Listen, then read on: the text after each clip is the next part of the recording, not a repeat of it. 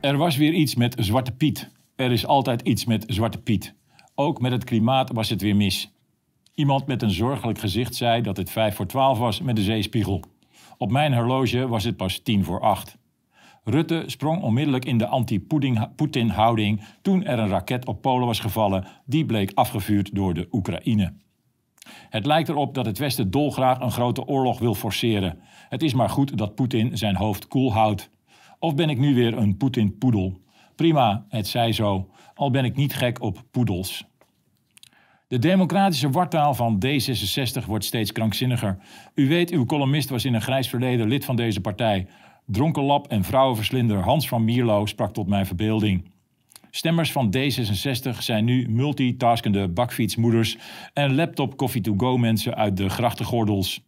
Zij moeten het doen met mensen als Jan Paternotte, die iedereen verplicht wil vaccineren, en Sjoerd Sjoerdsma, die solliciteert als legerleider om zij aan zij met de heilige Zelensky de boosaardige Poetin te verslaan.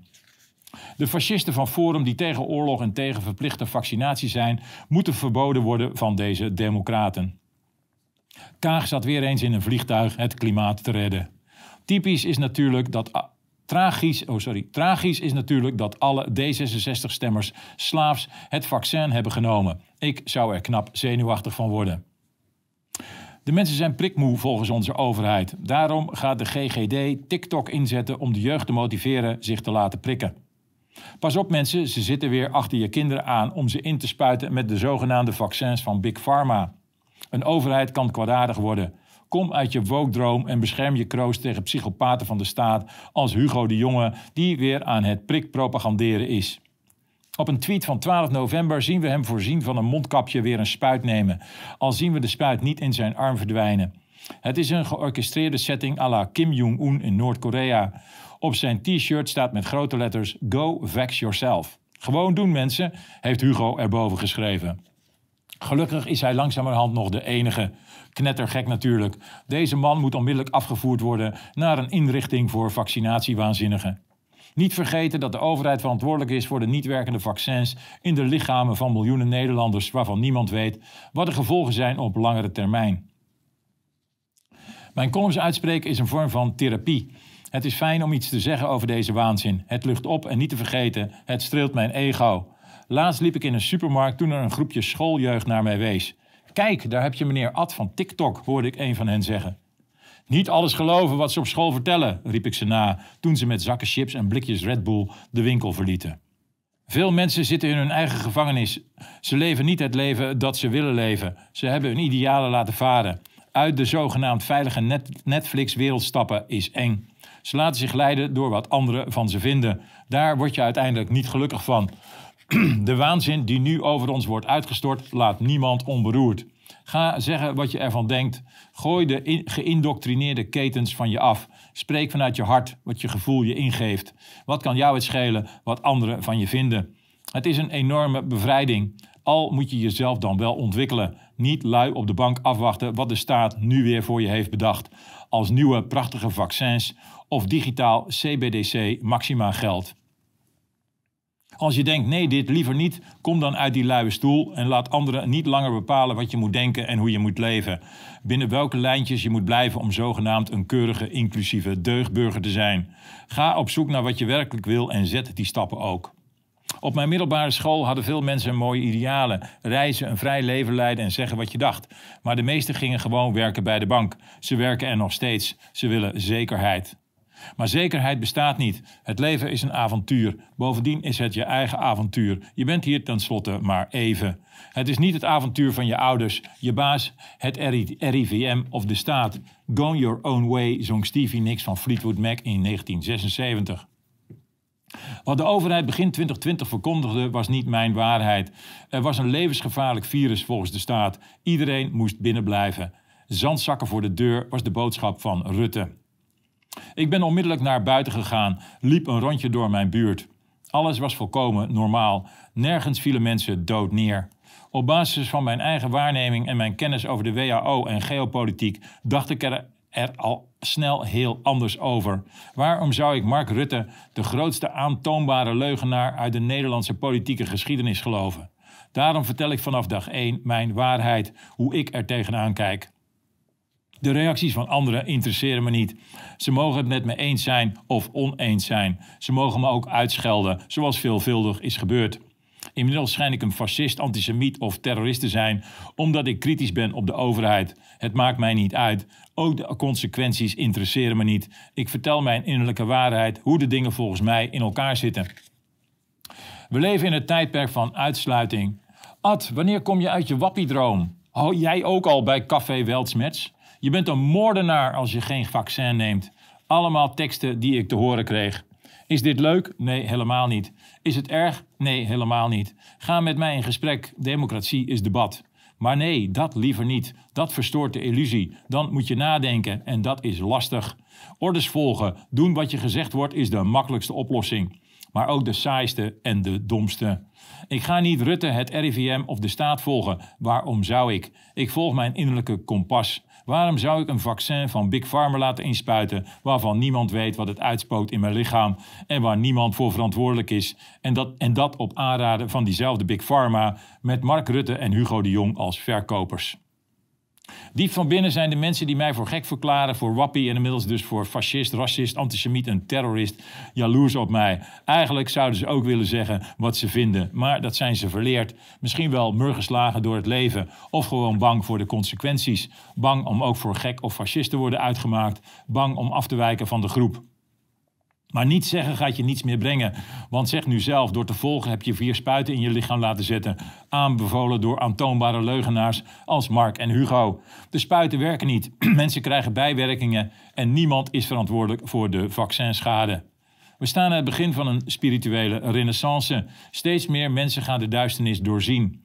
Het is nooit te laat om je eigen mindgevangenis te verlaten en je intuïtie te gaan volgen. Te zeggen wat je eigenlijk vindt en voelt. Niet bang te zijn voor mogelijke consequenties. Weer simpel een echt mens te worden met een eigen innerlijke wil en een gevoel. Het is steeds duidelijker dat je in de maling bent genomen door de staat en de media. Ze hebben je simpelweg voorgelogen. En nu proberen ze ermee weg te komen terwijl jij met de rotzooi van Big Pharma in je lijf zit. Nu is het momentum om op te staan tegen de lelijkheid, de waanzin, de vaccin-idioterie en de absurde gecreëerde oorlog in de Oekraïne. En je innerlijke mens te volgen en te kiezen voor liefde en schoonheid. Wat heb je nog te verliezen? Op 3 november 2020 krijg ik een app van H, chef bij de VPRO Radio, waar ik als fotograaf mooie radioreportages voor maakte. Dag Ad, hoe is het met jou? Door corona lang geen contact meer gehad. Ik moest net aan je denken. Ik hoop dat alles goed met je gaat. Vriendelijke groet, H. Hallo H, leuk van je te, te, horen. Met mij gaat het goed. Vanaf dag 1 ben ik betrokken bij de andere krant die langzaam groeit en ben columnist bij Café Weltsmets. Al met al een nieuwe carrière. Hoe is het bij de VPRO? Mijn gaspijpleidingenverhalen zijn ineens heel actueel. Ik volg alles hierover. Mijn laatste reis over de gaspolitiek was een trip naar Zuid-Italië midden in coronatijd. Misschien een keertje koffie doen in Amsterdam. Groet, Ad. Hé, hey, wat moet jij daar nou toch? Toch geen midlife toestanden? Motorrijden straks ook nog? Onmiddellijk word ik belachelijk gemaakt. De toon is door de chef buitenland gezet. Eigenlijk is een normaal gesprek al niet meer mogelijk. Ik antwoord: Voor een midlife crisis ben ik te oud. Geloof jij nog in de vaccins en de simpele gedachte dat Poetin de nieuwe Hitler is?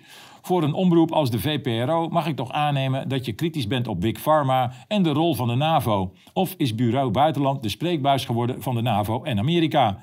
Tijden veranderen. Ik ben blij met de andere krant en café Weltsmets. Alles mag en kan er gezegd worden. Want zeg nu zelf, mensen uitsluiten omdat ze niet gevaccineerd wilden worden, is medisch fascisme. De spuit werkt niet, de schade wordt steeds meer zichtbaar. Ik zie het om mij heen.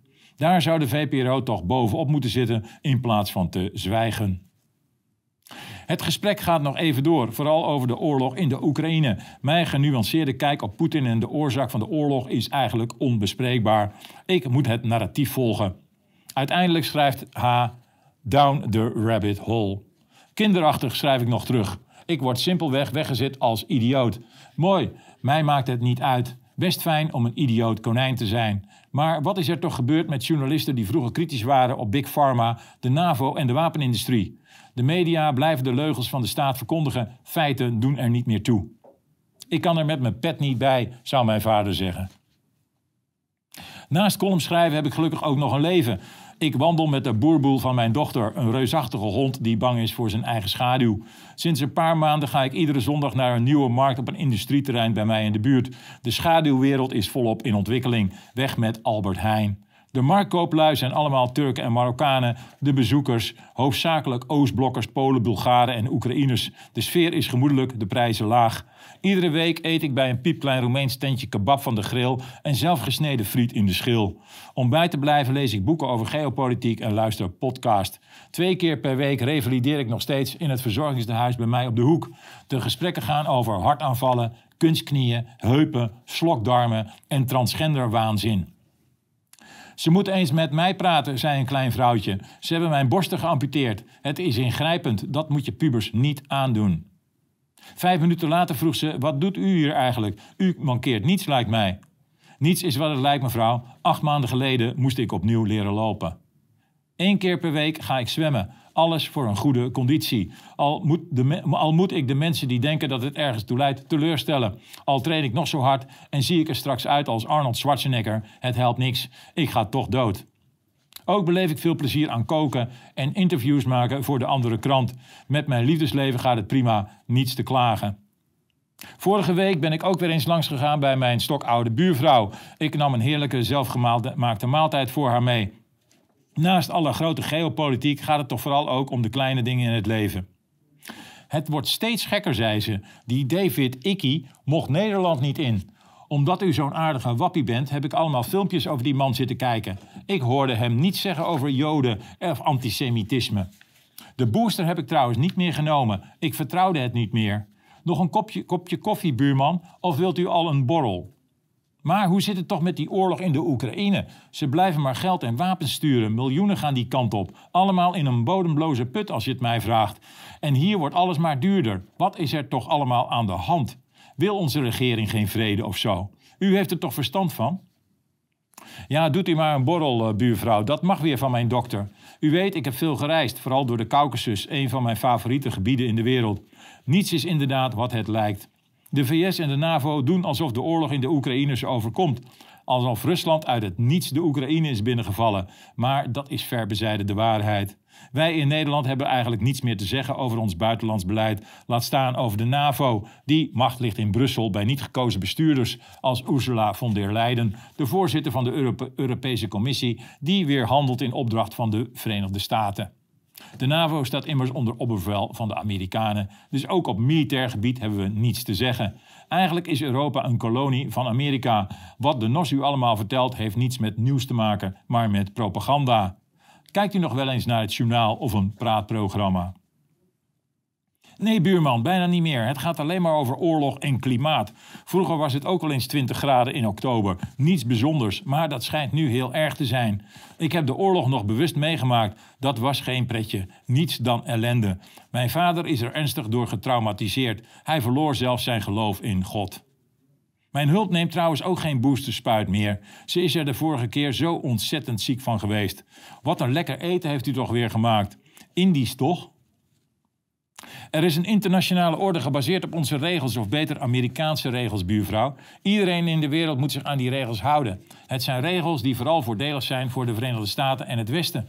Een aantal landen als Rusland en China hebben genoeg van die regels. Volgens onze westerse leiders bewaken de VS en de Europese Unie de democratie die bedreigd wordt door die vreselijke Russen en die enge Chinezen. Maar dat is een sprookje, buurvrouw. Dat wordt u maar wijsgemaakt. Mensenrechten interesseert de Verenigde Staten en de Europese Unie net zo min als de Russen of de Chinezen. Het gaat ze alleen maar om grondstoffen en winst. De wereld blijven leegroven. U was toch bij mijn tentoonstelling Alles draait om grondstoffen in Fotomuseum Rotterdam? Jazeker, buurman. Amerika verliest meer en meer terrein in de wereld. China is de nieuwe grootmacht. Dat wil Amerika niet. Ze willen hun jarenlange economische, militaire en financiële superioriteit niet opgeven. Daar gaat deze oorlog over. Wie is de baas in de wereld? Mensenrechten spelen geen rol. Dat is voor de bühne. Amerika, en dan bedoel ik de machtige Amerikaanse bedrijven, groter dan staten en de bankiers op de achtergrond, wil zijn talende wereldhegemonie niet vaarwel zeggen. Europa, Rusland en China zouden samen heel goed zaken kunnen doen. Maar de herreizenis van dit oude Eurazië-continent is een rechtstreekse bedreiging voor de Amerikaanse hegemonie, hun rijkdom en hun belangen. De NAVO is erop uitgestuurd door grote broer Amerika om in de Oekraïne alvast een oorlog te beginnen om Rusland te verzwakken, met als uiteindelijke doel ook China te verslaan. Veel, veel, grondstoffen die nodig zijn voor de groene droom van de EU liggen in Rusland en China. We zijn getuigen van een koloniale oorlog in een nieuw jasje. Een oorlog die nooit gewonnen kan worden, maar in stand wordt gehouden door propaganda die dagelijks onze huiskamer inkomt denderen. De Amerikaanse hegemonie loopt op zijn laatste benen. Wij in Europa zouden moeten aansturen op betere betrekkingen met Rusland en China. Samen met Europa kan dit een zeer welvarend continent zijn. Maar Europa kiest ervoor waarschijnlijk met een Amerikaans pistool op het hoofd om oorlog te gaan voeren tegen Rusland in de Oekraïne. Europa haalt voor Amerika de kooltjes uit het vuur en verzwakt zichzelf. In een document van de Amerikaanse denktank The Rand Corporation uit 2019 is te lezen dat het in belang van de VS is om Duitsland te verzwakken en kapitaal en productiecapaciteit te verplaatsen van Duitsland naar Amerika. Dat is wat we nu zien gebeuren.